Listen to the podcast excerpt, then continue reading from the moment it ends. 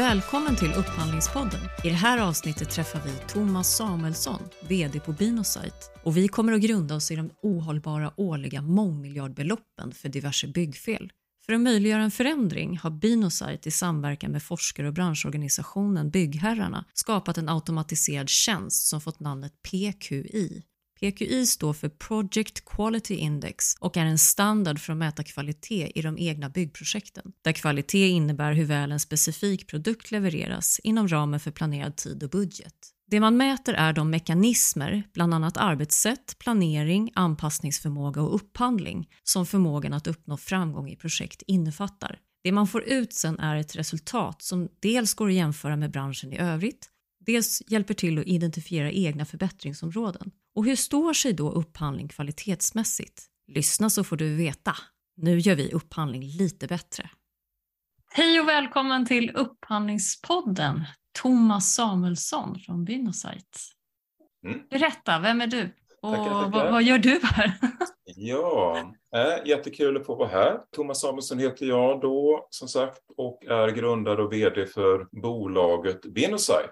Eh, äh, boende i Uppsala. Eh, sitter här idag denna strålande soliga eh, vårvinterdag som ger energi. Jag jobbar ju mycket riktat mot byggsektorn, eh, men jag är inte ingenjör och har inte byggbakgrund. Jag har min bakgrund inom kommunikation, attitydmätning och verksamhetsutveckling som jag har jobbat mycket med. Så det är väl jag i korta ordalag då. Hur kom Binosite till och vad, vad, vad gör ni för något? Ja, alltså Binosite är ju själva bolaget och det är inte lika känt som det vi håller på med, det, det som kallas för PQI. Men eh, Binosite är alltså bolaget som tillsammans med branschorganisationen Byggherrarna och forskare vid Luleå, Luleå tekniska universitet eh, har jobbat med att utveckla PQI som då är en ny branschstandard för att mäta projektkvalitet. Och eh, jag kan väl nämna det att bolaget Binosite har bland annat statliga Almi Invest som, som en av eh, ägarna. Ska jag berätta lite grann om, om vad vi gör, hur vi ser på det här med kvalitet i byggbranschen kanske? Ja, men gör det. Gärna.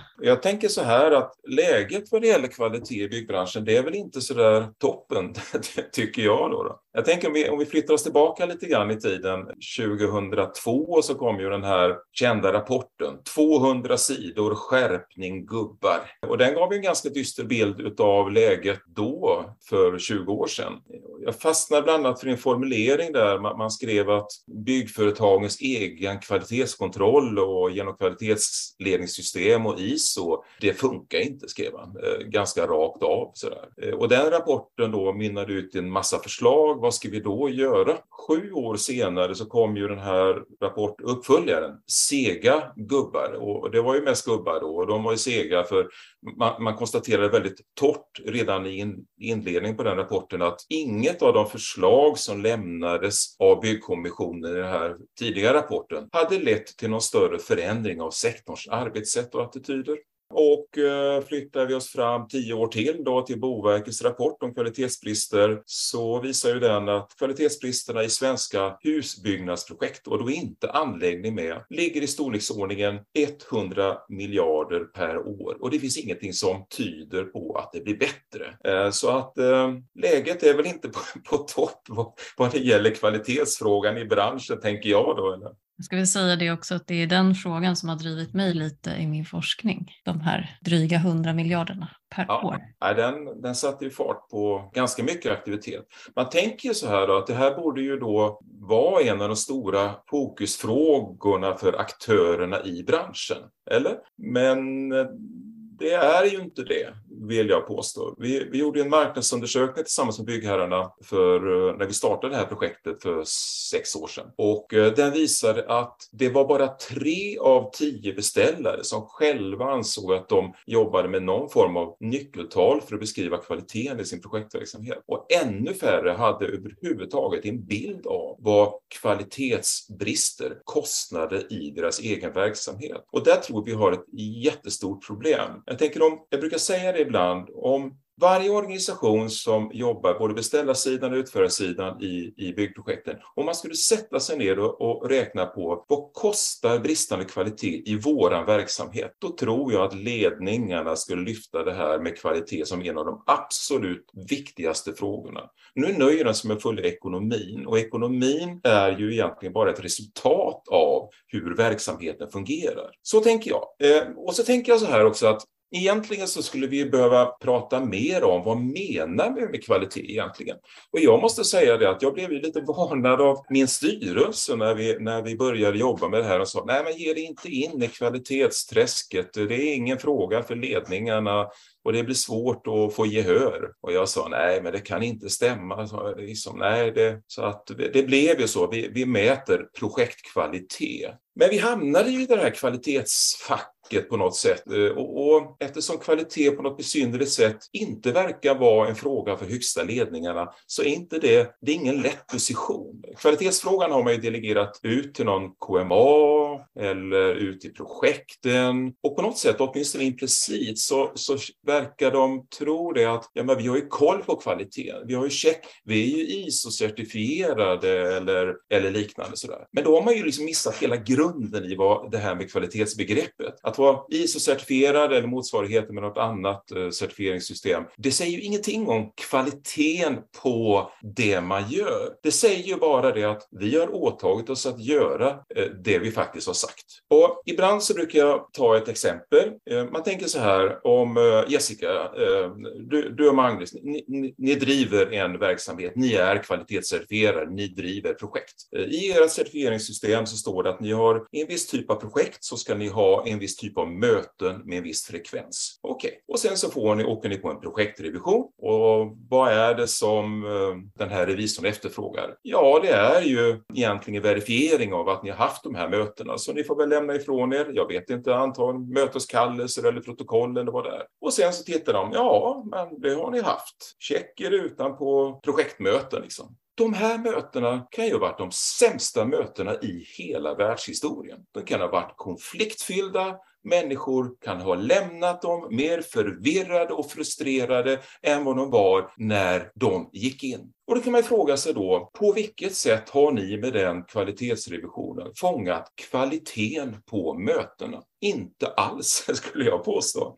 Och det är ju det här som är skillnaden med det som vi jobbar med och har, försöker att utveckla. Det. Med PQI så mäter vi istället alla projektdeltagares uppfattning eller bedömning av våra möten är effektiva och väl investerad tid för alla som deltar. Så där mäter vi kvaliteten på aktiviteten. Och tolka mig rätt nu, jag har ingenting emot ISO, men ISO räcker ju inte för att säkerställa kvaliteten i projekten. Och jag skulle vilja säga att problemet blir att ledningarna lever då i en falsk trygghet. Vi är certifierade, därför har vi bra kvalitet på vår verksamhet. Nej, det har inget samband egentligen. När du säger är våra möten effektiva, mäter man då liksom uppfattningarna om att det är effektivt? Man mäter, och då kommer det in kanske lite på eh, mätteknik. Då. Det finns liksom olika, jag brukar skilja mellan attitydmått, bedömningsmått och liksom rent hårda mått. Attitydmått, det är ju frågeställningar där du inte har någon egentligen, du har bara en inre referensram. Det är roligt att gå till jobbet.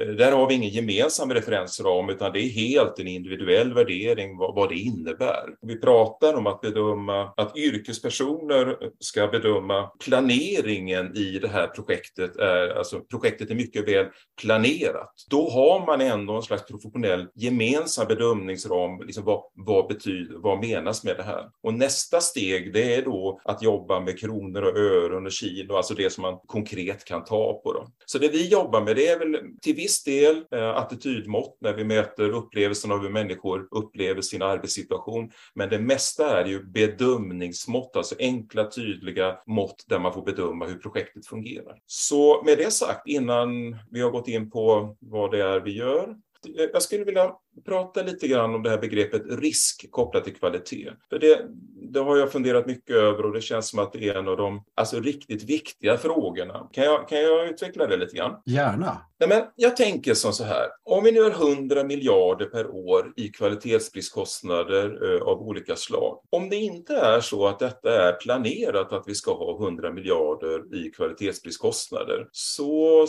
säger... Vilket man får hoppas att det inte... Nej, den skulle man kunna ironisera över för att det är faktiskt som så här att branschen omsätter 100 miljarder. Alltså det här landar ju i omsättningar och lönekuvert på en massa människor. Så att jag är inte helt säker på eh, att, att den inte är planerad. Men vi, vi förutsätter att det inte är planerat att man ska gå 100 miljarder i, alltså i waste i branschen. Då måste det bero på att det är risker som vi inte har förutsett som utlöser. Och jag menar att en stor anledning till att vi inte kommer vidare i kvalitetsfrågan, det är branschens oförmåga att identifiera risk tidigt i projekten. Vi gjorde en research av det här, hur jobbar branschen med risk? Och bygg har ju jättemycket fokus på risk. Så är det ju. Och det finns massa verktyg för att hantera risk. Men det vi upptäckte det var ju att det finns ju i princip inga verktyg för att identifiera risk. Och för att hantera dem vettigt så behöver du identifiera dem, eller hur? Vi brukar använda illustrationen med isberg ibland. Tänk er ett isberg. På toppen av isberget så har ni de här traditionella, det som kallas för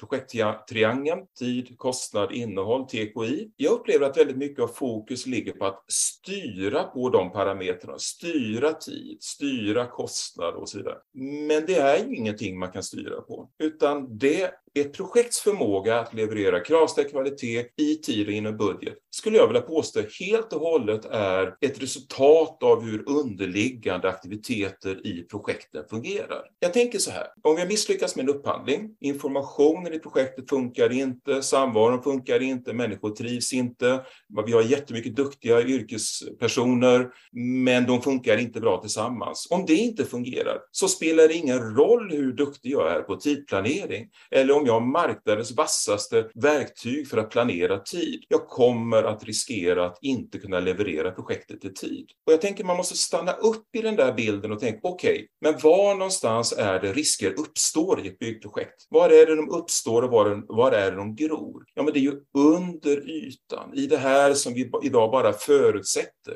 men inte mäter. Så ska vi minska risk i projekt så måste vi fånga upp dem mycket tidigare än idag. Och det är egentligen det är den stora grejen, det är det vi gör med PQI. Vi har gjort det här under ytan, projektets förutsättningar. Vi har gjort det mätbart och man kan börja mäta tidigt och inte som idag att fånga upp det när det har, oj, det har blivit avvikelse under tidplan, oj, vi har, vi har börjat överskrida budget och så vidare. Så att eh, risk har jättestor koppling till kvalitetsbrister och där finns det mycket att göra. Så tänker jag. Känns det rimligt? Det låter helt rimligt. Det låter lite som att man, när du pratar om tid, kostnad, innehåll, att det är lite på samma sätt som man brukar prata om bolagsredovisning. Det är ju kanske resultatet snarare än, än det proaktiva. Och det du beskriver under ytan på isberget, det är väl också lite sånt som kanske traditionellt skulle betecknas som lite mjukt lite uppfattningar och lite kulturfrågor och lite hur pratar vi med varandra och hur, hur, hur samverkar vi? Eller? Ja, men det är det ju. Det, det som är intressant också, det är ju, man tänker på den här Boverksrapporten. Det, det gjordes en efterföljande utredning på uppdrag av Boverket. Alltså vad beror, alltså vad, vad, är de stora orsakerna till kvalitetsbristerna?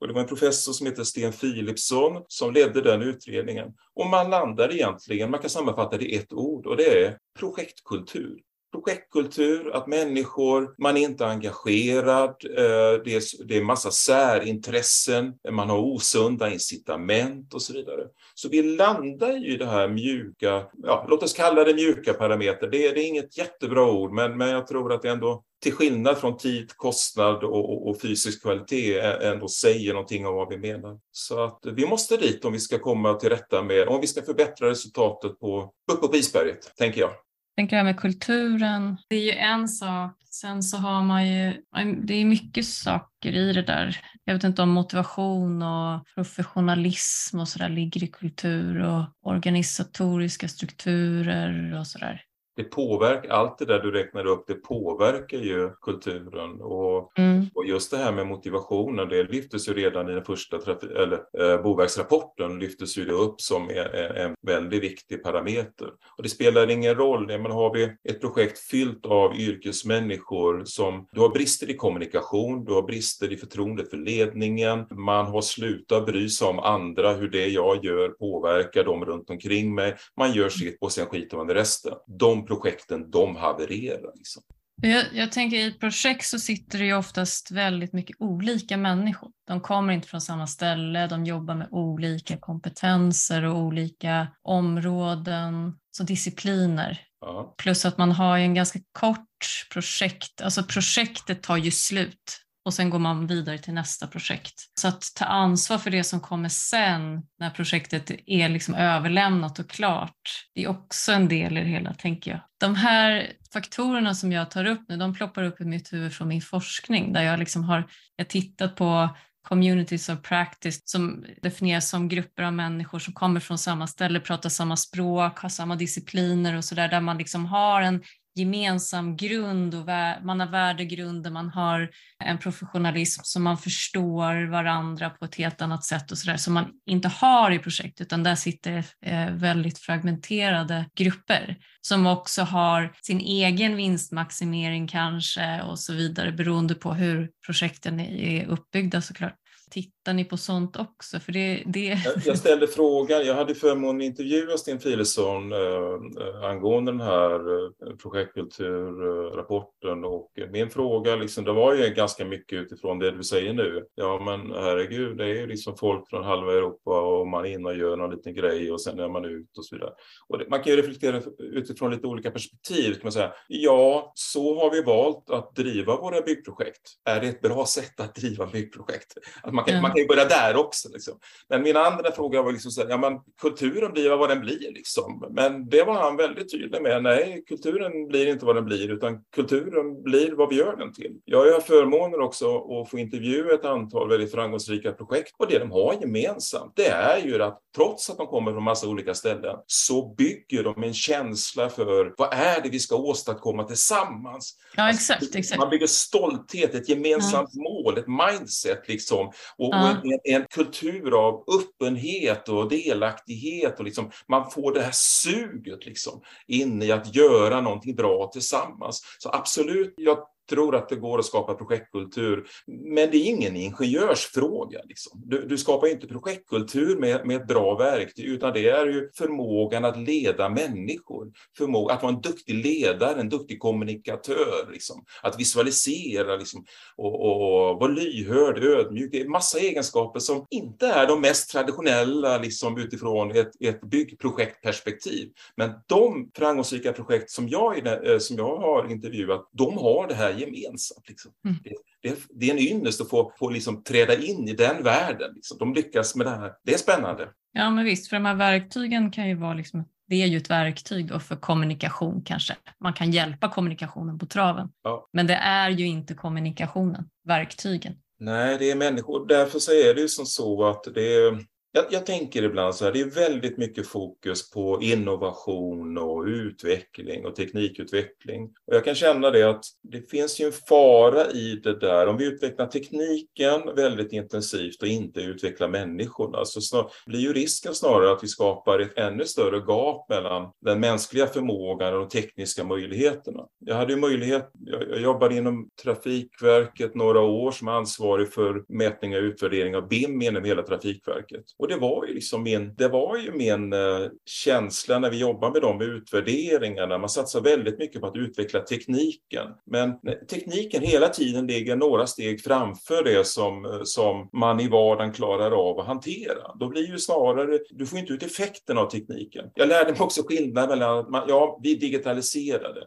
men det som betyder någonting det är den digitala transformationen. Att få ut någonting av digitaliseringen. Så att, att vi måste satsa satsa på att utveckla människorna. Det, det är om, ni, om vi inte ska göra det här med robotar. Liksom. Får jag fråga, för du nämner ju de här framgångsrika projekten som du har haft möjlighet att intervjua och, och träffa på. Och om vi går in i ett byggprojekt så är det ju, vi var inne på det, det är väldigt olika yrkesroller, olika discipliner, det är olika skeden, det är olika identiteter, det är olika organisationer och projektet är uppbyggt av alla de här människorna som kommer från väldigt olika organisatoriska hemvister och sådär. Så liksom, vad har de framgångsrika gjort för att få ihop det? För det är en sak, ibland går man lite vilse kan jag tänka när man pratar om ledarskapet och sånt där. Men du pinpointar ju några frågor om ledarskap som kommunikation och som inkludering och så. så Men någonstans måste man ju avsätta tid och prioriteringar för att få de här människorna att vilja jobba tillsammans. Vad har de gjort?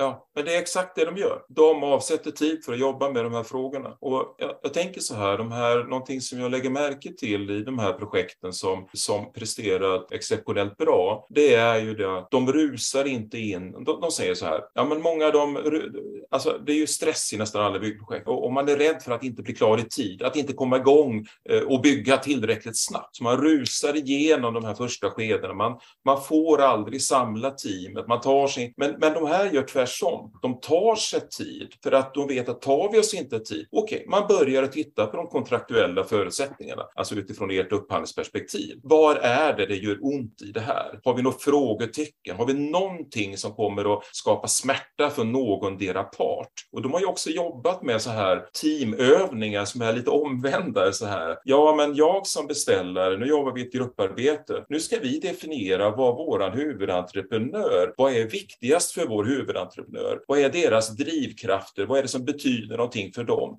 Och entreprenören får göra omvänt liksom, övning. Då. Vad, är, vad är vår beställares viktigaste prioriteringar? När blir de glada? när, när blir de arga? Så vidare. Och så ser man ju till att skapa den här gemensamma berättelsen. Reda ut alla svåra...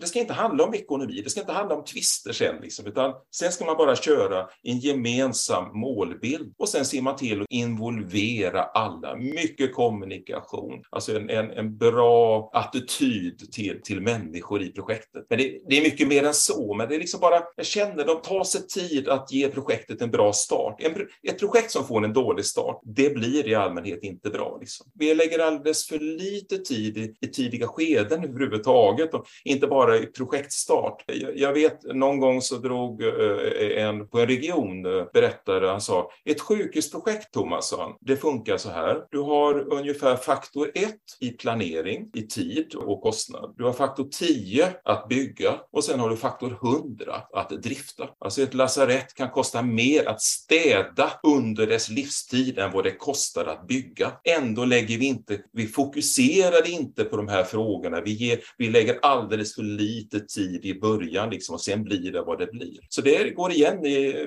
i alla skeden skulle jag vilja påstå. Men i er undersökning här, så det som har kommit fram som har varit kanske sämst då i projekten, en av de sakerna är ju upphandlingen och förfrågningsunderlaget. Och planeringen är väl den andra. Ja, nej men så kan man säga. Men, men då undrar jag, de här framgångsrika projekten, vad har de gjort som har varit så bra i upphandlingen som skiljer sig från de som inte är bra? Ja, men de har nog gjort lite olika och, och, och nu, nu, har vi ju LOU och uh, det är Sisa väl, känner väl till som sätter kanske vissa begränsningar. Men uh, jag vet att man jobbar ju med det här alltså ECI, Early Contracted Involvation, så att man, att man kanske involverar entreprenören väldigt tidigt. Man, man jobbar inte så här i stuprör. Först, först ett förfrågningsunderlag, handla upp handlingar, sen nya, en ny förfrågan och sätta färdiga handlingar. Utan man jobbar ju liksom med samverkan. Jag tror alla de här projekten som har varit väldigt väl fungerande har varit ganska utpräglade samverkansprojekt där man har jobbat ganska tidigt eh, faktiskt. I, eh, och, och, i vissa delar så innebär ju det att man har jobbat fram faktiskt förfrågningsunderlag tillsammans med entreprenören också. För där är det ju lätt att man tänker ju ofta så här, upphandling det är en fråga för beställaren, alltså byggherren. Men de underliggande leden, de det är ju mycket mer upphandlingar som görs under byggherrens upphandling än, än på toppen. Va? Så här gäller det nog kanske att ha, det, jag, jag vet liksom att när partnering var ungt och, och, och det var hippt och, och sådär och, och användes i marknadsföring så tecknades det mycket partneringavtal mellan byggentreprenör och beställare. Men byggentreprenören sen fortsätter att handla upp på traditionellt sätt på, på lägsta pris och, och pressade UE till max. Liksom. Så det var bara partnering åt ett håll på en nivå. Liksom. Så att eh, jag tror man måste få ihop hel, helheten. Jag vet inte om det var ett bra svar på din fråga Jessica, men det var, det var några tankar i alla fall kring det. Mm, ja, nej, men eh, du kan ju inte veta allt, tänker jag. Jag vill veta vad du vet, vad du har fått fram i den här undersökningen. Men frågorna kvarstår ju på sätt och vis ändå. Och, och, vi har ju med lite olika gäster i det här sammanhanget också pratat om olika sätt att genomföra byggprojekt, så här, rent kontraktuellt och så. Du är inne på viktiga frågor. Jag tycker också, när jag har följt ska jag säga, de tidiga partnering-entusiasterna så har det varit väldigt mjuka frågor som var uppe. Och det var frustrerande för mig som upphandlare och som kontraktsbyggare och som, säga, som den som ofta hamnar i, i behovet av att reda ut tvister eller oklarheter så tyckte jag att det var frustrerande att, att försöka få ihop eh, LOU-spåret å ena sidan och alla glada workshopledare å andra sidan. Liksom. Och det jag ville säga med det då, med den här utläggningen är att den typen av ledarskapsfrågor som du beskriver och samverkansarbetet i sig då kring de mjuka frågorna är ju möjligt att göra även i andra upphandlingsformer så länge man inte har direkt liksom stridiga kontraktsvillkor som straffar den ena parten utan så länge idén är om att man ska åstadkomma någonting tillsammans så behöver det inte vara de, de tidiga formerna. Men övergångarna från ett skede eller från en disciplin till en annan är ju jätteviktiga att på något vis limma ihop och lösa oklarheter kanske framför allt. Mm. För att det är ofta byggt på missförstånd eller medvetna otolkningar. Liksom. Så, att, eh, så jag tror nog att det går att göra i andra format också. Ja, men samverkan måste ju fungera i alla projekt oavsett vad vi kallar dem för. Och, och att vi kallar ett projekt för samverkansprojekt. Jag vet att bland de största tvisterna som har varit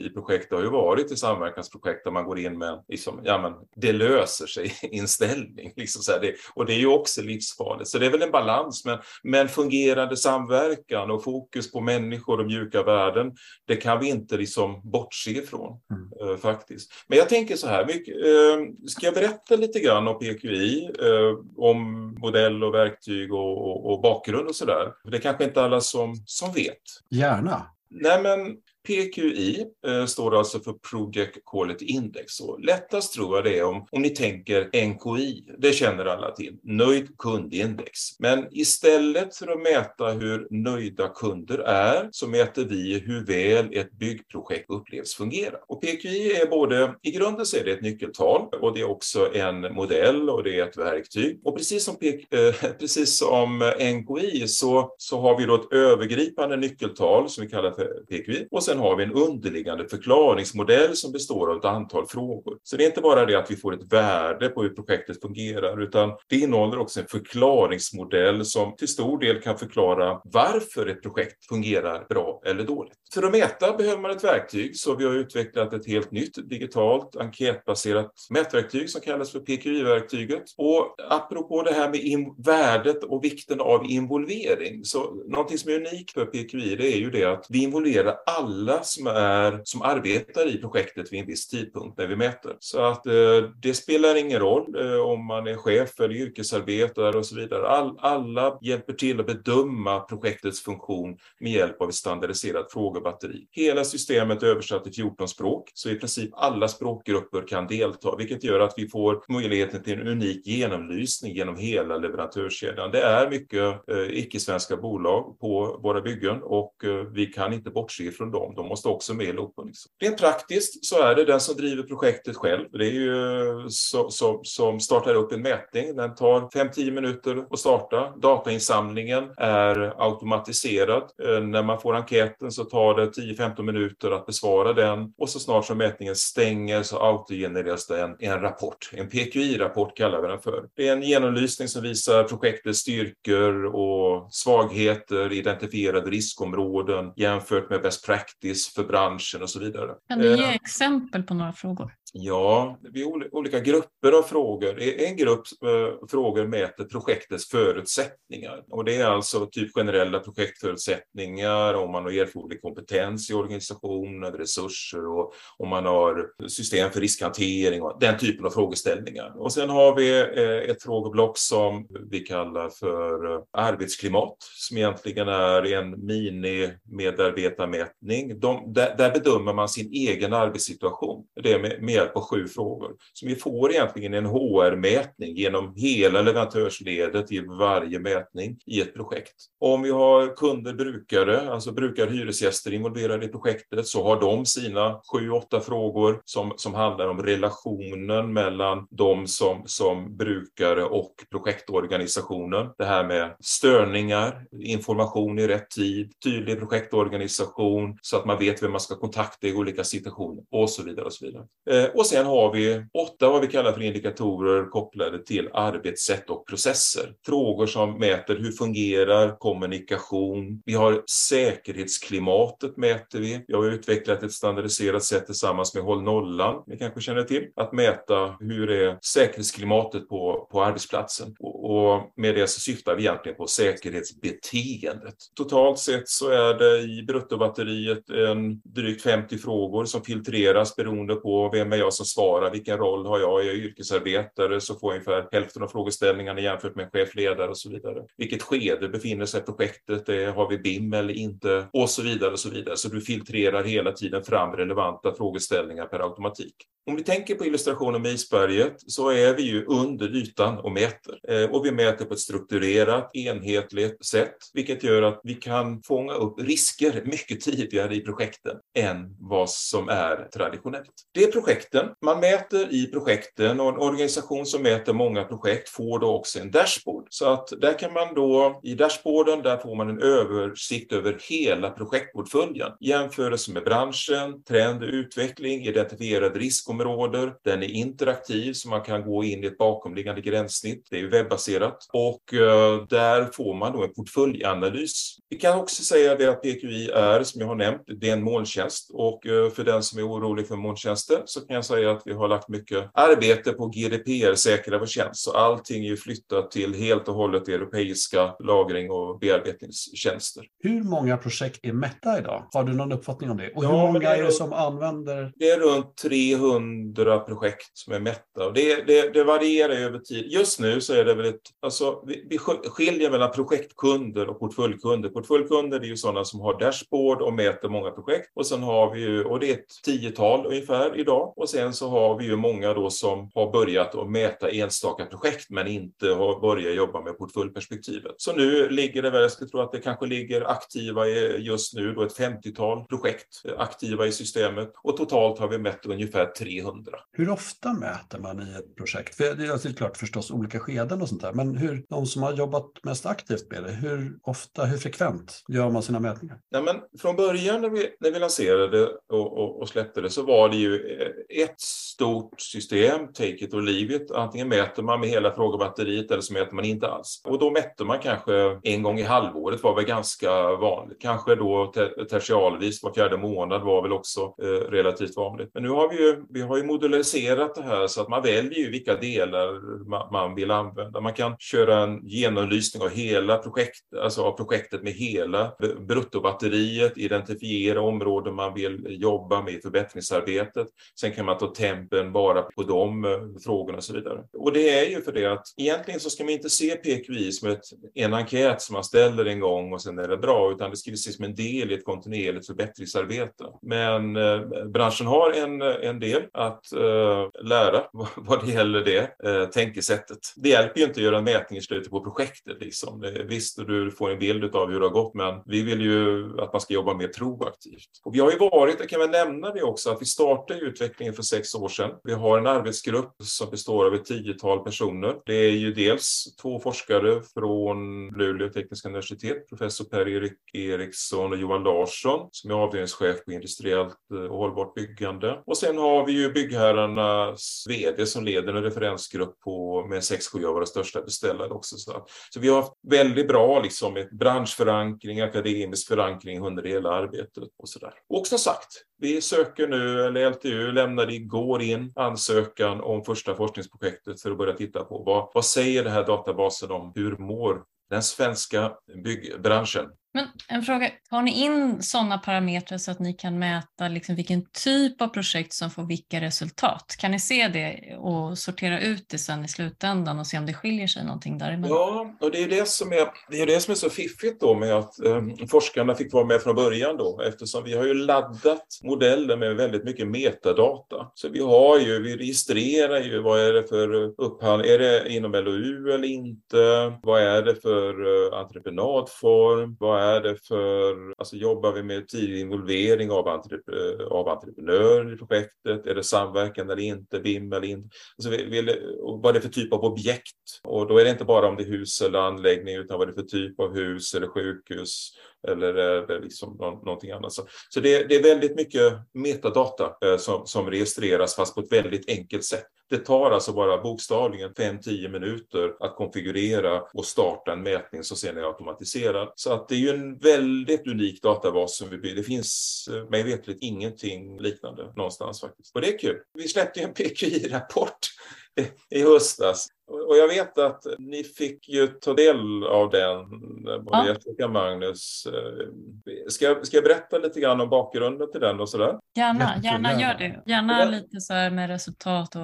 Ja. Mm, mm. Nej, men egentligen så här, vårt syfte är ju inte att samla in data. Samla in data är ju någonting man måste göra för att kunna analysera och komma fram till insikter. Jag tänker på när vi, det var ju Tommy Lenberg på Byggherrarna som egentligen drog, drog igång det här, initiativtagare och sammanförde mig med, med de här forskarna och så vidare. Hans stora tanke det var ju att dels generera data för forskning. Vi har ju avtal med LTU idag, långsiktigt avtal där de, det vi levererar, de har tillgång till anonymiserad data för, för branschforskning. Men han, Tommy han tänkte så här, men eh, jag vill ju veta vilka är de gemensamma utmaningarna i våra byggprojekt? Vad är det egentligen, de här bra projekten? Vad är det som kännetecknar dem? Hur ser sambanden ut egentligen? Om vi driver ett projekt i samverkan eller om vi inte driver, vi inte bedriver i samverkan, vilka konsekvenser får det? Om vi skapar ett projekt där människor trivs eller inte trivs, hur ser sambanden ut? Och, och när vi mäter med PQI, då registreras det ju en massa, massa metadata liksom, så,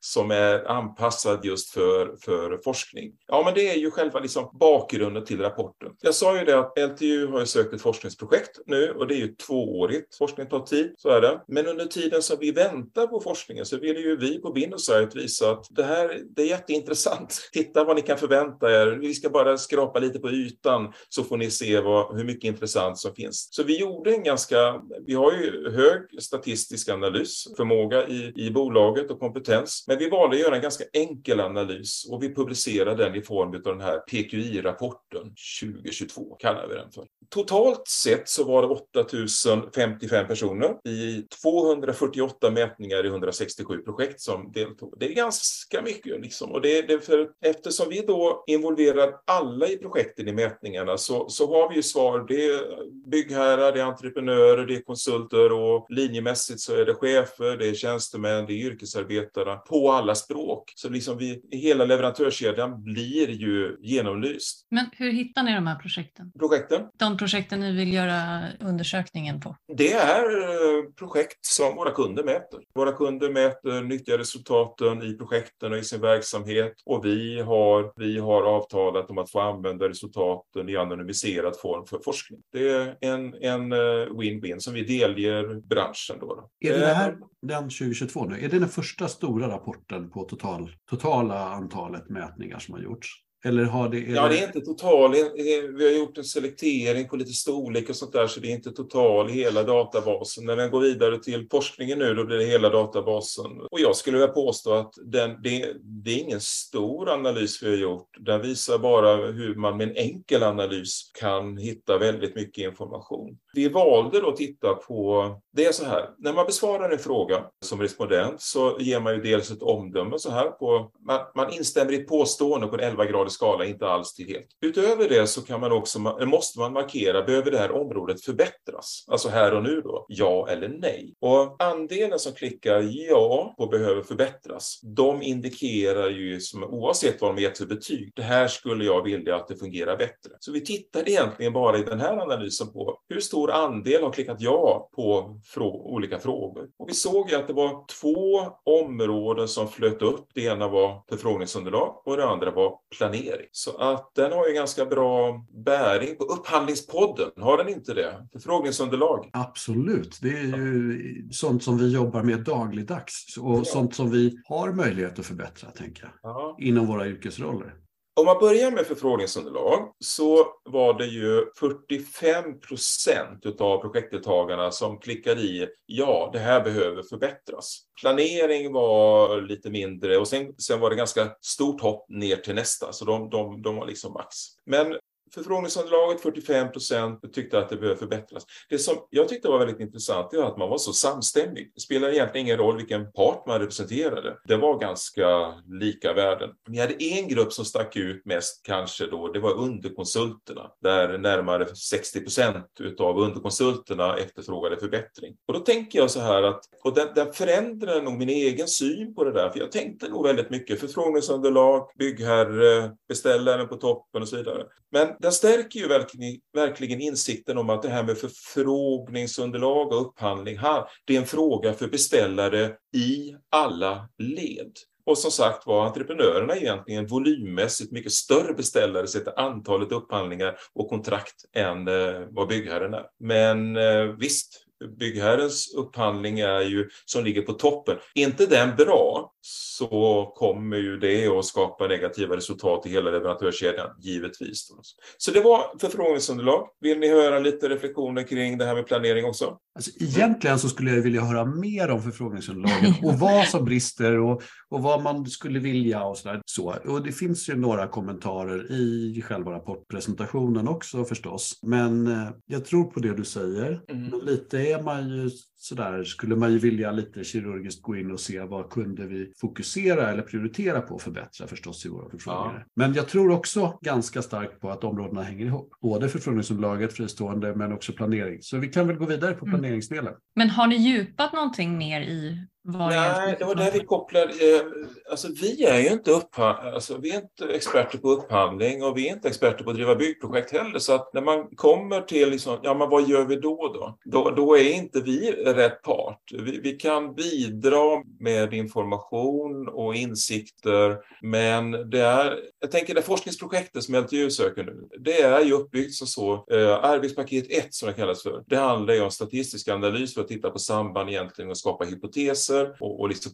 alltså, problematisera och skapa hypoteser. Steg två, där har vi ju med oss då sex stora beställarorganisationer som där vi kommer att jobba i fördjupande workshop. Okej, okay, så här ser det ut. Stämmer det med er bild? Liksom? Vad, vad, är, vad ligger egentligen bakom? Vad kan vi göra åt det här? Och jag tror att den här typen av tillämpad forskning tycker jag, jag, jag tilltalas väldigt mycket av den, för det är kunskapen om vad man behöver göra finns ju ofta, de, de finns i allmänhet bland de som jobbar jobba med frågorna. Jag, jag tänker så här, ta ett byggprojekt. Vi, har, vi säger att det är 50 personer som jobbar i ett byggprojekt. Vi säger att man i snitt är i mitten av sin yrkeskarriär. Det är väl ganska logiskt att tänka sig. Eh, då har då varje person ungefär 20 års erfarenhet av att bygga. 50 personer gånger 20 års erfarenhet. Det betyder att vi har 1000 års samlad erfarenhet av att bygga. Liksom. Och den stora frågan är ju hur kanaliserar vi all denna kunskap och erfarenhet att göra bra saker?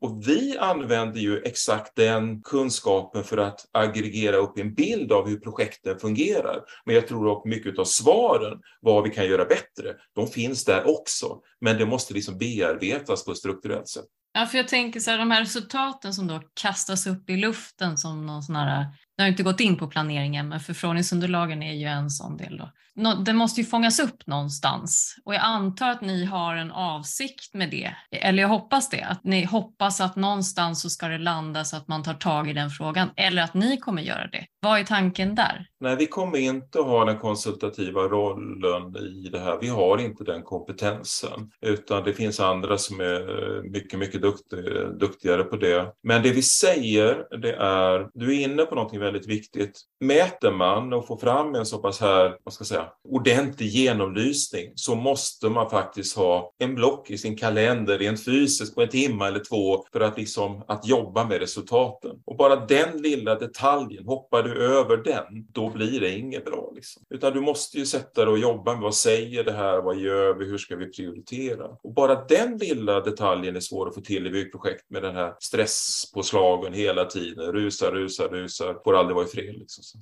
Men det finns ju en hel del guldkorn i de kommentarer som ni har samlat in i synpunkter på ja. förfrågningsunderlaget som fråga också. Ju. Så att det är ganska mycket godis som finns där som man kan ta till utan att det kanske är metodiskt, utan, utan att det följer vetenskaplig metod. Men, men den, bara, bara de svaren ger ju, höll jag på att säga, action points i, i att arbeta med att driva förfrågningsunderlagsarbetet.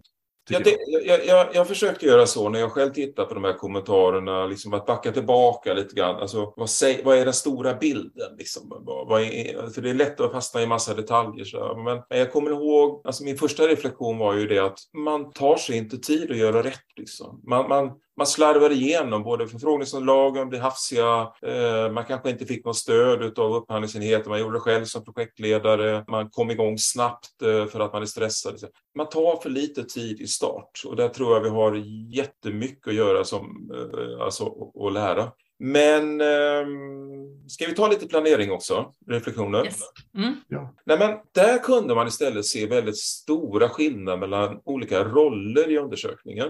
Det var ju så att fem av tio yrkesarbetare efterfrågade bättre planering, men det var egentligen bara hälften av cheferna som gjorde, alltså hälften av, alltså två och en halv av tio då, 25 procent av cheferna som efterfrågade. Och då tänker jag så här att det här väcker ju nästan en filosofisk fråga om vad är egentligen egentligen bra planering? Jag tänker så här om chefer och ledare i ett projekt tycker att de har en bra planering, men yrkesarbetarna tycker att planeringen är dålig. Har vi då en bra planering i projektet? Och då tänker jag så här att utifrån de erfarenheter som jag själv har i workshop och så där, så bottnar det här väldigt mycket i bristande kommunikation. Ledningen har säkert en bra planering. De har ett Gantt-schema med aktiviteter och de tycker de har en jättetydlig bild av det här. Men man har inte kommunicerat ut den här i organisationen på ett bra sätt. Eh, jag har en anekdot ifrån ett projekt där det var precis så här. Yrkesarbetarna var egentligen, om man skulle omsätta det till vardagssvenska, när man tittar på staplarna, fly förbannade. Liksom. De var jättemissnöjda. Och ledningen tyckte att vi hade jättebra planering. Och så satt vi i en workshop och diskuterade det här och, och de sa liksom, ja ah, men de, de förstår inte. Nej, vad är det de inte förstår? frågade jag då. Nej, men liksom, kan ni ta något exempel på vad de inte förstår? Ja, men eh, vi hade någon eh, sån här hiss, temporär hiss vi har satt upp en hiss där borta på den delen av bygget och den skulle bara vara där ett tag och sen skulle den tas ner och så flyttas och så vidare. Och då tycker de, eh, yrkesarbetarna klagar på att de får göra om det här för att, att det här var dåligt gjort. De fattar, de fattar ju inte liksom att, det här, att vi måste göra så här. Nej, nej det hörs ju, det förstår jag. Men ni tjänstemän, ni förstår det. Ja, det är klart vi gör. Ja, men inte yrkesarbetarna. Nej, Nej, jag vet inte. Antingen så har ni väl ovanligt korkade yrkesarbetare eller så har ni väl inte kommunicerat eller vad? Nej, vi har nog inte kommunicerat. Nej, och, och, och det, man landar ju hela tiden här i de här kommunikation människor emellan. Om vi säger så här, ledningen har en bra planering men man har inte kommunicerat den i organisationen så att man tycker att planeringen är dålig. Vad, vad, får det här för konsekvenser? Jag tänker så här, dels så riskerar du att skada förtroendet för ledningen. Har du inte förtroende för att ledningen vet vad den gör, det, det, vet ni alla som har varit på en arbetsplats, det blir ingen bra arbetsplats. Och den i sin tur kommer säkert att leda till lägre engagemang, den kommer att leda till en sämre effektivitet i projektet. Och med det här kommunikationsglappet så tänker jag också att ledningen riskerar ju uppenbart att inte förstå vad är bra planering för en yrkesarbetare? Vad är det för typ av planering planering de behöver för att göra ett bra jobb. Och därför säger jag liksom, frågan om planeringar, det blir ju nästan en filosofisk fråga, men den är väldigt intressant. Så att nu är vi inne i skallen på folk. Ja, för det är här jag tänker också att när man kommer fram till ett sådant resultat så behöver man kanske bryta ner det lite i just det som du nämner. Så här, vad, vad, vad, är det egentligen som är planering och, och var någonstans brister det i de här gränssnitten och, och vad beror det på och vad, man, vad behöver man, precis som du säger. Men det har ni alltså inte riktigt, alltså ni kan, det låter ju ändå som ni har ställt frågorna men inte kanske bottnat i det för att få en, en tydlig data att analysera, eller? Uh, nej, men lite så. Nu pratar jag utifrån uh, ett projekt som sitter med ett projektresultat. Ja. Uh, den automatiserade liksom, visualiseringen av resultatet, den bygger rätt mycket. Dels har du jämförelse med branschen, best practice. Du kan studera gap. Men den bygger också mycket på att visualisera diskrepanser mellan, mellan discipliner och roller. Så att eh, för varje faktor så kommer du att se, okej, okay, här har vi ganska stor samsyn, men oj, inom den här planering, det här har vi jättestort avstånd mellan yrkesarbete medarbetarna och, och ledningen. Var, och, och då kan man med hjälp av kommentarerna också borra lite vidare. För det är nämligen så här att klickar i behöver förbättras, ja. Det som händer då är att du får en liten fördjupande extra fråga. Alltså, på vilket sätt tycker du att planeringen brister? Så att du får väldigt tydliga frågeställningar och hög kvalitet på, på fritextsvaren. Så du kan komma ganska långt, men du måste ju då, nästa steg det blir ju att sätta sig ner och prata med människor. vi, har, vi har väldigt olika syn på det här. Vad, vad, vad bottnar det i? Hur kan vi göra det här bättre tillsammans? Ja, så, att, så ser det ut i, ett projektperspektiv då, men på aggregerad nivå, analys, bransch, där har vi inte bottnat ur liksom sambanden och det, det är väl det delvis som forskningen ska börja och, och jobba med nu. Då. Har ni kunnat se att man i projekten har jobbat vidare i liksom reguljära linjegrupper eller i arbetsgrupper kring resultatet som förbättringsarbete? Ja, men alla, alla som jobbar med det seriöst jobbar ju så och de som inte jobbar så lär ju inte bli långvarigt. Liksom. Mm. Utan eh, är det som så att man mäter motvilligt och genererar en massa data och det lyser rött lite överallt men man inte jobbar med det så blir det ingen kul. Det blir inte kul att hålla på med det. Liksom. Då får man välja att inte veta svart på vitt var, var problemen ligger, så som man hade det innan. Då. Nej, min fundering var just att eh, utifrån vår bild av en fragmenterad byggarbetsplats eller byggprojekt där man kanske inte alltid jobbar eh, tillsammans mer än i små öar. Lite hur det tas om hand. Det var mer så min fundering var. Ja, vi har ju satsat rätt mycket på um, att ta fram utbildningar så, där. så att vi, när vi, när vi lanserade det här, då lät ju väl folk säga, ja men testa med ett i tre projekt och och så var det någon chef som slängde det i knät på projektledarna och, och, man samlade in data som blev en rapport och man har inte riktigt förstått varför och det var mitt i projektet man kunde, och det var stressigt, man kunde inte påverka ändå. Bla, bla, bla. Och det blev inget bra. Utan nu är vi väldigt noga med att alla som ska köra pilot och komma igång, de, de utbildas. Vi har en sån här två timmars PQI grundkurs som ligger i en lärplattform, självstudiekurs på nätet. Så den kör vi. Och kör vi, mycket, vi kör mycket också idag ledningsworkshop där vi förankrar i högsta ledningen, alltså hur, vad är syftet med det här, vilka, vad kan ni förvänta er, på vilket sätt behöver ni stödja och så vidare. Så det är inte bara att slänga in, alltså implementering av den här typen av nytänkande, eh, får man väl, får man väl säga då, den ställer ganska höga krav på implementering. Vi har, vi har, vi har, eh, vi har gjort våra misstag eh, och vi har lärt oss mycket faktiskt där. Ni hade en fråga, vet jag, om varför inte upphandling omnämns bland positiva upplevelser. Visst var det så? Var det din, Jessica? ja, precis. Vill du ha mitt svar på det? jag vill ha ett svar på det. Ja. Det, låg, det låg en vädjande ton i den frågan. Nej, men jag, jag, ja. jag, jag, tänker som så här, man brukar ju, när man jobbar med mätningar och, så här, och attitydmätningar och beteende och så, så brukar man prata om top of mind, alltså sånt som ligger överst. Eh, tittar man på det som man har nämnt när man, när man får ha svarat på frågan, vad är det mest positiva med det här projektet? Så ser jag, vad är det man har nämnt? Så är det ju mestadels emotionella faktorer. Det är liksom ja, vi har en sån positiv stämning och vi, vi trivs så bra tillsammans, vi har bra samarbete och så vidare. Det, det är väldigt stor tonvikt på emotionella faktorer som ligger top of mind. Och, och jag tänker, jag skulle tro att upphandling och förfrågningsunderlag mera är det man kallar för hygienfaktorer. Det är ju det här som vi tänker på, eller inte tänker på i vår vardag förrän det inte fungerar. Liksom. Det går inte att säga åh vad städat, åh vad städat är fint, åh vad städat är fint, utan det är först när det är skit. Varför åh, vilken inte? härlig upphandling som jag ska lämna anbud på nu. Ja. Nej, men så, så tänker Hur jag. får vi den känslan? ja. ja, men det vore väl ett bra mål för er att se till att upphandling är det som nämns som det mest positiva med hur det här projektet drivs. Liksom. Mm. Där har ni en målsättning. Ja, men jag tror en dimension man liksom inte riktigt har funderat över tidigare. Hur vi gör upphandling härligt.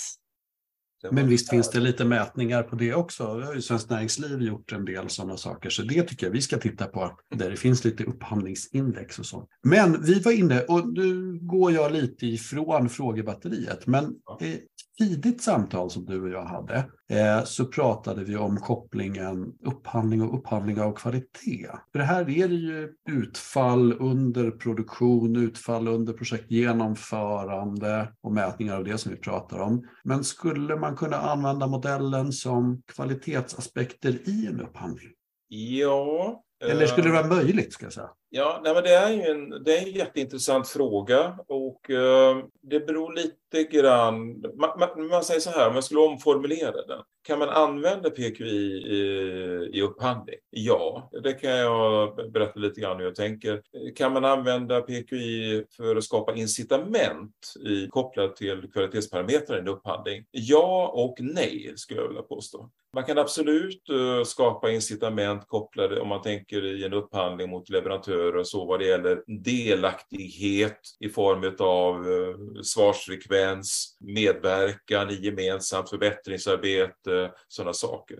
Men det man absolut inte ska göra det är att koppla mätresultat till incitament. Eh, ni kan ju tänka själva om ni säger så här att ja, eh, får vi en, får vi en PQI på över best practice då, då, då faller det ut 5 bonus till alla. Ni kan ju tänka er hur, hur mindre nogräknade entreprenörer skulle agera gentemot anställda och inte minst mot mot underentreprenörer för att de skulle få, ni vill väl vara med på nästa jobb som vi tar eller sådär. Nej, så att den är, den är väldigt farlig, men, men absolut att man, kan, eh, att man kan använda det. Ska jag berätta hur jag tänker att man skulle kunna tänka som upphandlare? Gärna. Jag tänker så här att om ni ser PQI, blunda och se PQI-modellen framför er. Det är inte så lätt för ni har inte sett den kanske. Men i alla fall, den innehåller ju då i grunden när vi skapade PQI-modellen så gjorde vi en jättestor inventering av det man skulle kunna kalla för kritiska framgångsfaktorer för väl fungerande projekt. Vi liksom gick igenom och inventerade massa olika mätmodeller. Vad är det man har identifierat måste funka i ett projekt för att projektet ska fungera bra? Och det blev ju då PQI-modellen. Ni skulle kunna se de olika delarna i modellen utifrån det perspektivet som en checklista.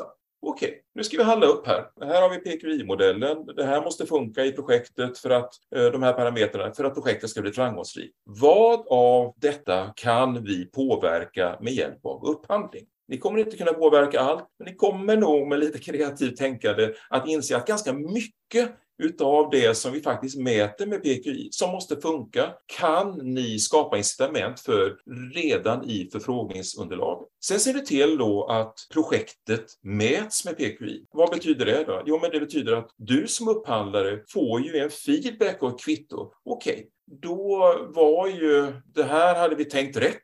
Här hade vi en ambition att vi skulle skapa det här på ett bra sätt, men det blev inte bra. Vad kan vi, vad kan vi hitta i analysen som hur ska vi göra det bättre? Så att checklista, försöka bygga in, eh, skapa drivkrafter i förfrågningsunderlaget, få mätresultat, feedback tillbaka, fortsätta att skruva.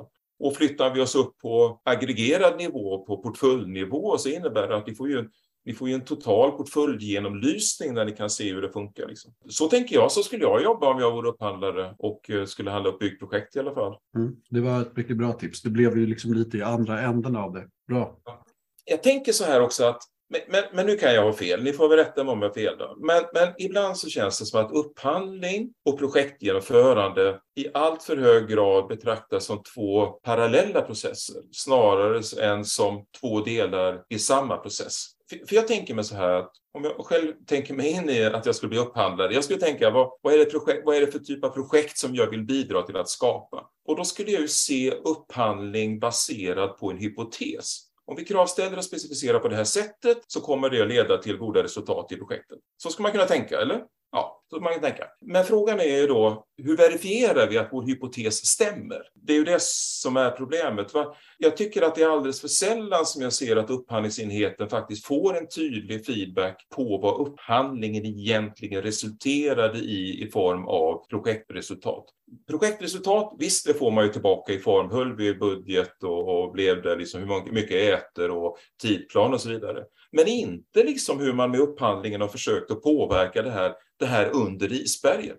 Och varför får inte upphandling, upphandlingsenheten feedback på det? Ja, men det är väl så att det har väl inte funnits något bra sätt att mäta, tänker jag. Då. Så att äh, här tänker jag då liksom att om man tänker så här, om vi handlar upp samverkan så som vi handlar upp samverkan idag, leder det verkligen till bra samverkan? Ja, men hur har vi mätt det? Ja, vi har mätt effekten av samverkan i form av konflikter. och så. Men vi, här har vi möjlighet att mäta samverkan. Ja, men om, vi, om, vi, om vi tycker det är viktigt med olycksfria eh, byggen och vi tänker så här, då handlar vi upp på det här sättet.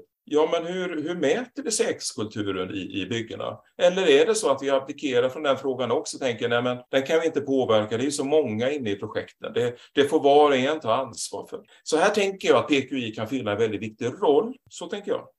Nej, men enda eh, fundering är ju egentligen, jag tycker att det är bra. Du beskriver att det är delar av samma process eller delar, alltså att upphandling är inte en fristående eller en parallell process. För det är ju också så att det är ju, och sett också till de feedbackkommentarer som ni har haft i den stora undersökningen, så är det ju så att många av de frågorna är ju inte någonting som en upphandlare eller en inköpsenhet kan hantera självständigt, utan det är ju frukten av ett lagarbete i en projektering och projekteringsledning och en probleminventering eller en målformulering kring vad man vill uppnå för någonting. Och där är ju, är ju upphandling ett, om en lite trubbigt verktyg i liksom en sån resa. Yeah. Så att jag tror att det skulle behöva kanske ägas och lagledas än mer kanske än vad vi ser att vi gör idag. Att det inte är en ren försörjningsverksamhet utan det är någonting som i stora projekt framför allt behöver vara mycket, mycket mer integrerat. Och där man kanske ska titta på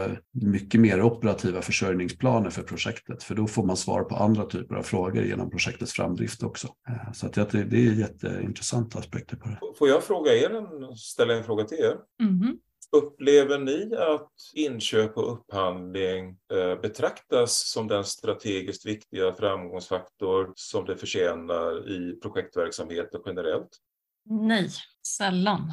Jag skulle väl säga ja, men eh, det är för mycket individvariationer på hur man involveras i projekt, när och på vilka premisser och vilket värde det tillmäts kan man säga. Men jag skulle säga som sitter inhouse så har jag ju möjlighet kanske att med armbågarna säga att vi, eh, jag har möjlighet att påverka processerna på ett annat sätt än jag upplevde att jag kunde göra som konsult inom området. Då blir man ibland lite tillfrågad i fel skede och när det kanske är på väg överstyr. Liksom. Men det är för mycket individvariationer både i projektledningssammanhang eh, och i upphandlingssammanhang för att det självklart ska bli lyckat och eller strategiskt varje gång. Jag skulle väl snarare säga att som konsult så sitter jag sällan och handlar upp, alltså rent upphandlingspraktiskt. Jag hjälper ju till att skapa liksom, de taktiska delarna, de strategiska eh, frågeställningarna besvaras och sådär under, under min uppdragsledande ofta. Men då har vi en upphandlare med i de projekten som jag sitter. Och om man tittar på hur den upphandlingsavdelningen eller enheten eller vad det nu kan vara, alltså hur relationerna till den här upphandlingsavdelningen eller enheten fungerar och ser ut, så skulle jag svara nej på din fråga. Och nu, det ser lite olika ut. Det är inte lika hos alla och vissa ligger lite längre fram än andra och sådär. Men det finns jättemycket att göra och man vill ju Och det tycker jag är det viktiga kanske här, att man vill ju gärna göra inköp och upphandling till den strategiska funktionen. Men tänker inom, in, inom industrin så är ju alltså både kvalitetsfrå, kvalitetsfrågan i sig, det är ju en eh, otroligt central fråga. Liksom. Det, alltså om kvalitetsfrågan hade hanterats så som det gör inom byggsektorn, det, det industriföretaget hade ju inte överlevt en månad. Alltså. Alltså jag, jag, och jag överdriver inte. För det, alltså, där är ju kvalitet allt. Liksom. Det är ju i, i de framgångsrika bolagen, det är ju, det är ju varumärkesbyggandet, det är ju ekonomin, det är ju säkerheten, det är ju liksom utveckling. Allt är liksom kopplat till, till ekonomin. Det är en fråga för den yttersta ledningen. Jag, jag brukar tänka så här i, i, det kanske hörs lite elakt, men, men för mig är ju byggsektorn både på beställarsidan, tyvärr, och även utförarsidan, man driver ju snarare projekt än man driver en verksamhet. Alltså för det är ju så att eh, man har skjut, skjutit ut alla resurser ut i projekten och med, med resurser så skjuter man ut mandaten. Du ska vara VD i ditt projekt, eh, liksom så här. Du äger, ingen är inne och petar i det, vilket gör att stabsfunktionerna är ofta väldigt anorektiska.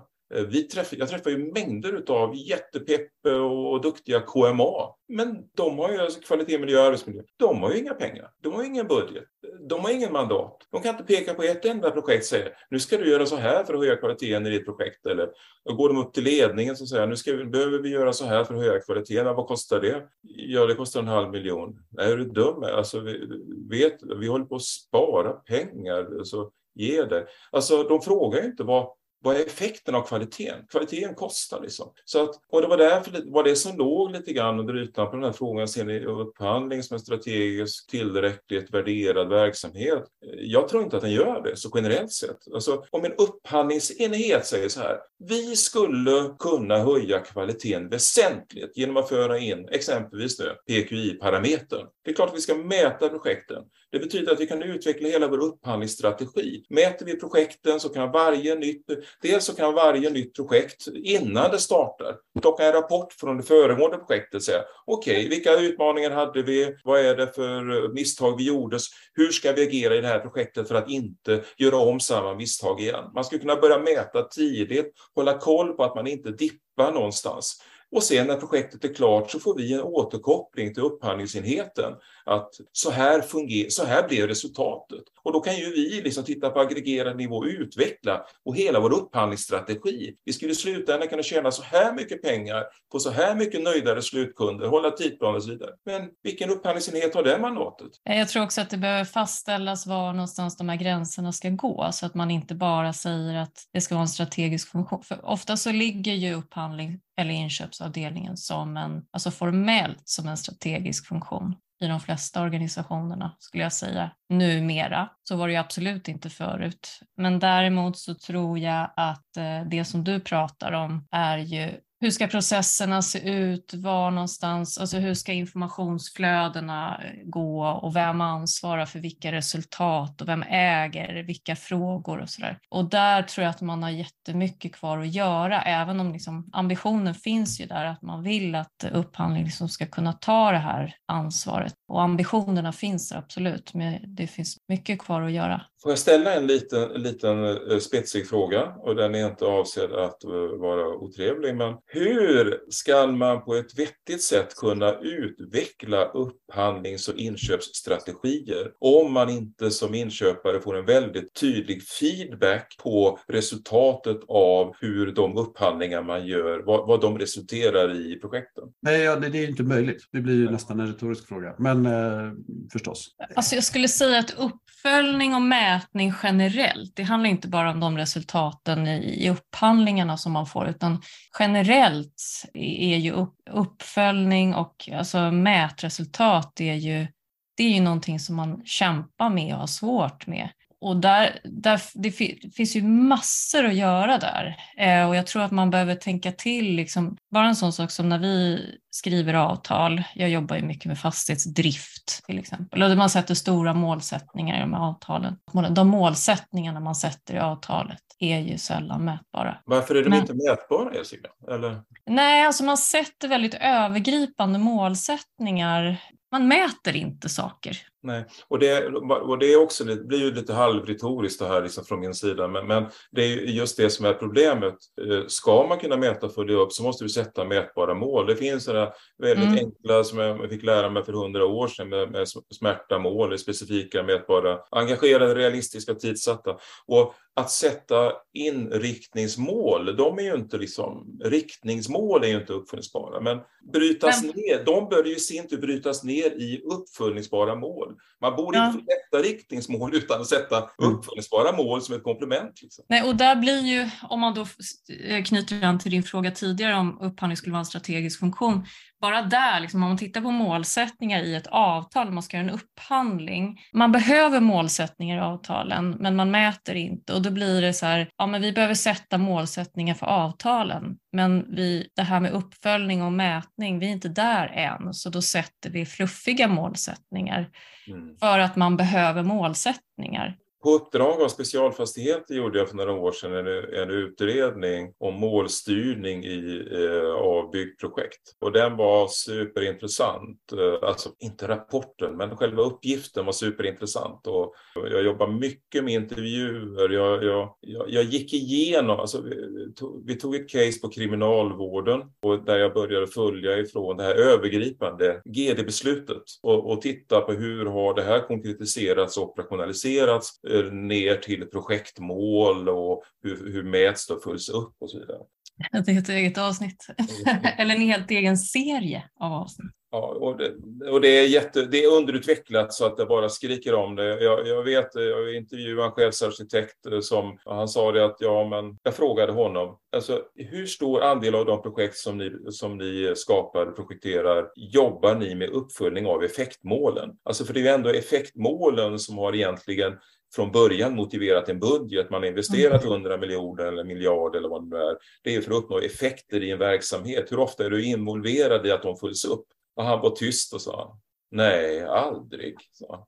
Och det är så det ser ut. Och det är lite skamligt för det är, pengarna ska ju inte åtgå till att bygga en, eh, ett hus liksom, eller eh, fyra väggar eller vad det nu är. Eller, utan det ska ju skapa effekter i en verksamhet. Och där finns mycket att göra. Mm. Men, men, men, det är absolut så att man behöver kanske också förhålla sig på ett annat sätt till en projekttung verksamhet. Att eh, du beskriver ju ett läge där man organiserar eller där man kraftsamlar väldigt mycket kring projektets genomförande. Eh, och då blir det på något vis det övergripande målet. Och att det påfallande ofta saknas eh, verksamhetsmål eller i alla fall är svårt att översätta eh, mellan projektmål och verksamhetsmål. Eh, och den lite obehagliga tanken, för du inledde ju med att beskriva att någonstans i byggbranschen så har vi kvalitetsbrister som som är värderade till 100 miljarder. Det är ju en, en ganska här, härlig volym. Liksom. Ja, per år. Ja, ja absolut. Det är en, en stor sektor. Eh, men då är frågan om antingen så är, har branschen nu under de goda åren som vi kommer ur kan man väl säga haft en sån överlönsamhet så att det inte är ekonomiskt värdefullt att styra på att åtgärda de kvalitetsbristerna. Eh, eller också så lever vi med en annan typ av lönsamhet. Annars så skulle vi agera på det. Om det var ja, det ett problem på marginalen. 100 miljarder är en ganska stor del av vår BNP. Inte så? Eh, och det, det, det är ju tyvärr så att vi har ju, speciellt konsultsidan, lever ju väldigt mycket på att sälja timmar. Liksom så här, ju mer, inte bra lösningar, utan man skapar lönsamhet genom att sälja timmar. Och man handlas upp på det sättet också. Liksom. Så att det är en knepig situation, får man väl säga. Förhoppningsvis kan vi väl kanske använda den stundande lågkonjunkturen till att åtgärda systemfel och komma till rätta med kvalitetsbrister och kanske Förhoppningsvis kommer vi ur det här och har lärt oss någonting och gör någonting bättre när vi får nästa push i att driva produktion framåt i större omfattning igen. Jag tror att nyckeln måste vara, det är money talks. Alltså, det kommer inte hända någonting väsentligt förrän ledningarna i respektive verksamhet sätter sig och det, vad kostar kvalitetsbrister i vår verksamhet? Och det, det, här är ju väldigt spännande. Liksom man, 100 miljarder på branschnivå då, då är det husbyggnad och en omsättning på ungefär 350 miljarder. Det är ungefär en, närmare en tredjedel liksom, uh, som, som är, är, är, waste i omsättningen. Uh, och det här köper man liksom på branschnivå. Men jag har inte träffat någon verksamhet eller något projekt som adresserar de här eh, slöserierna i, sitt, i sin egen verksamhet. Ja, alltså vilken, vilken byggherre eller entreprenör redovisar? Ja, eh, i år våra 20, 20 procent eh, icke värdeskapande arbete eller, eller förlust, det gick åt till de här aktiviteterna. Utan det här är ungefär som att det berör inte oss, det berör en bransch. Och man missar liksom att bransch är ju bara ett sätt att aggregera upp underliggande verksamheter och projekt. Va? Ja, vem som ska sticka hål på den där bubblan, det vet jag inte riktigt, men eh, räkna på, räkna vad kostar kvalitetsbrister i vår verksamhet.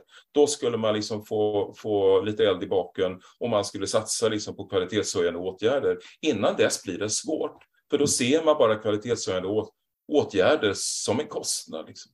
Ja, nej, men jag tror att du är inne på någonting ganska viktigt här med att mäta. Och man, jag tror att man behöver sätta sig ner och Alltså ta sig den tiden och sätta sig ner och fundera på vad kan vi mäta och vad behöver vi mäta och hur, hur ska vi göra det framgent? Men det är ganska spännande det här med att titta på byggbranschen. Den är, jag har ju förstått att den är oerhört styrd av krav. Vi håller på att titta nu tillsammans med BUC, alltså eh, byggbranschens eh, utbildningscentrum, för att titta på vad kan vi hämta för underlag från PQI för att skapa bättre branschutbildningar. Eh, och det är jättespännande. Men jag, jag vet, jag frågade liksom, vad, vad är det som driver efterfrågan på en utbildning? När efterfrågas den? Och då sa han så här att Ja, det är väl två saker. Den ena är de kommer och säger nu har vi ett nytt lagkrav. Eh, ni alla måste ha en brandskyddsutbildning si och så. Och det andra är att eh, nu har vi en kund som kräver eh, att eh, vi ska ha den här och den här kompetensen. Vi måste ha en utbildning snabbt. Okej, okay. och utöver det? Nej, inte mycket.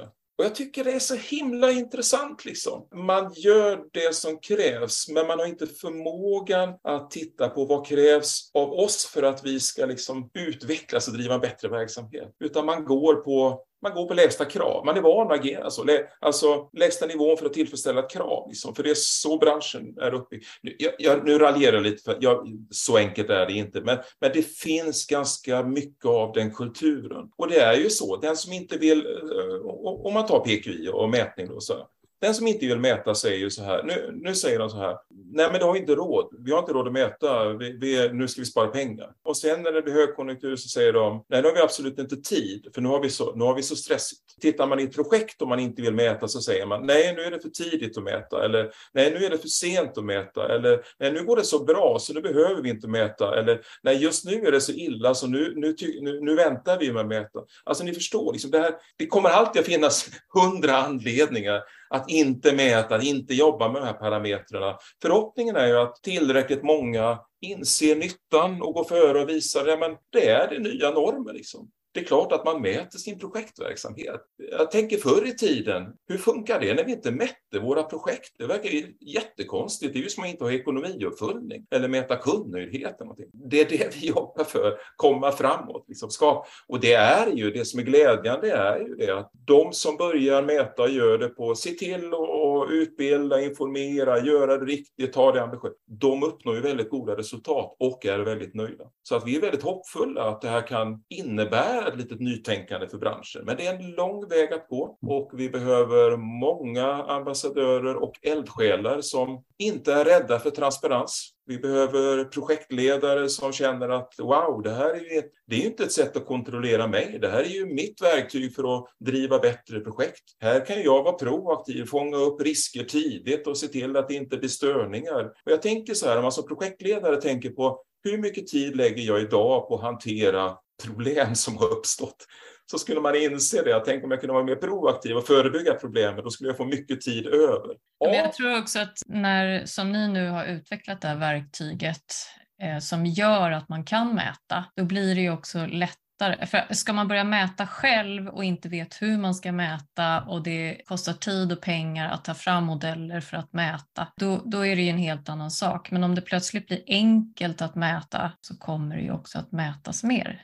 Ja, men så är det och jag tänker att om man tänker vår fortsatta utveckling med PQI nu då så tror jag den kommer att ske åt lite olika håll. Jag tror att, jag beskrev ju, vi börjar med det stora mätverktyget, nu har vi modelliserat och liksom gjort det lättare. Man kan också lägga till egna frågor i en organisation eh, som ärvs ner i alla projekten. Man har till exempel tre viktiga värderingar eller vad det nu är som man vill följa. Det kan man, det kan man liksom ärva ner i alla eh, projekten som mäts. Ett projekt som vill har en samverkansdeklaration, man vill följa upp någonting, kan lägga in egna frågor. Så det blir ganska dynamiskt sådär. Men jag tror att vi kommer nog också utvecklas dels åt att erbjuda ännu enklare, alltså ännu enklare varianter av verktyget för, för mindre projekt och, och sådär. Sen så kommer vi nog att utvecklas åt ett annat håll också, att, att jobba ännu mer och underlätta så att mätresultaten verkligen blir värdeskapande, att de omsätts i action, så att det blir stöd för att, att jobba med förbättring och sådär. Så att, men jag har en Ja, fråga där. ja. Hur lätt är det att utveckla det här verktyget mot andra områden? Nej, men vi har väl, lagt Så- ungefär, vi har väl investerat ungefär 20 miljoner i utvecklingen av, av det här. Det blir väldigt många timmar, jag vet inte hur många exakt, men... Vi, Jag tänker att tratta ner frågor som... Eh, För projekt är ju väldigt specifikt, alltså byggprojekt är ju väldigt specifikt i sig kanske, men många av de frågorna kanske kan funka i andra typer av projekt som inte är just bygg, men jag tänker också fastighet och drift som där jag är inne och förvaltning och sådär, men också man kanske kan mäta upphandling som vi var inne på. Och alltså avtal generellt resultat i avtal, alltså hur de, och kontrakt, hur de rullar och går. Är det lätt att tweaka det här verktyget för er för att ställa om det till en annan del av en bransch eller en annan bransch? Eller? Ja, man kan säga så här då att det kommer att utvecklas. I grunden är det ju ett projektutvärderingsverktyg. Det är ju liksom, det är så det är byggt. Det är så själva mätmodellen är uppbyggd, att mäta projekt. Så att ställa om till andra typer av projekt, mäta IT-projekt eller verksamhetsutvecklingsprojekt eller vad det nu är. Det är, skulle inte vara eh, jättesvårt, för det, det, det är så mycket gemensamma komponenter. Sen är det vad det gäller att mäta alltså mer löpande verksamhet eh, Absolut, över tid. Men eh, vi, vi, hade väl ganska, vi hade trott att vi skulle kommit längre vad det gäller såna här så kallade branschvertikaler vid det här laget. Men det visar sig ju att det är en sån himla lärarens resa för oss också. Liksom att, verkligen, att verkligen förstå byggprojekt. Liksom. Och, och hur får man användning, hur får man nytta och så vidare. Så det tar längre tid än man tror. Sen är det byggt, jag kan väl bara nämna det också, att vi bygger ju för en internationell marknad från början. Det är liksom ett, eh, vi hade ju den anspråkslösa visionen när vi startade, the global standard for project quality.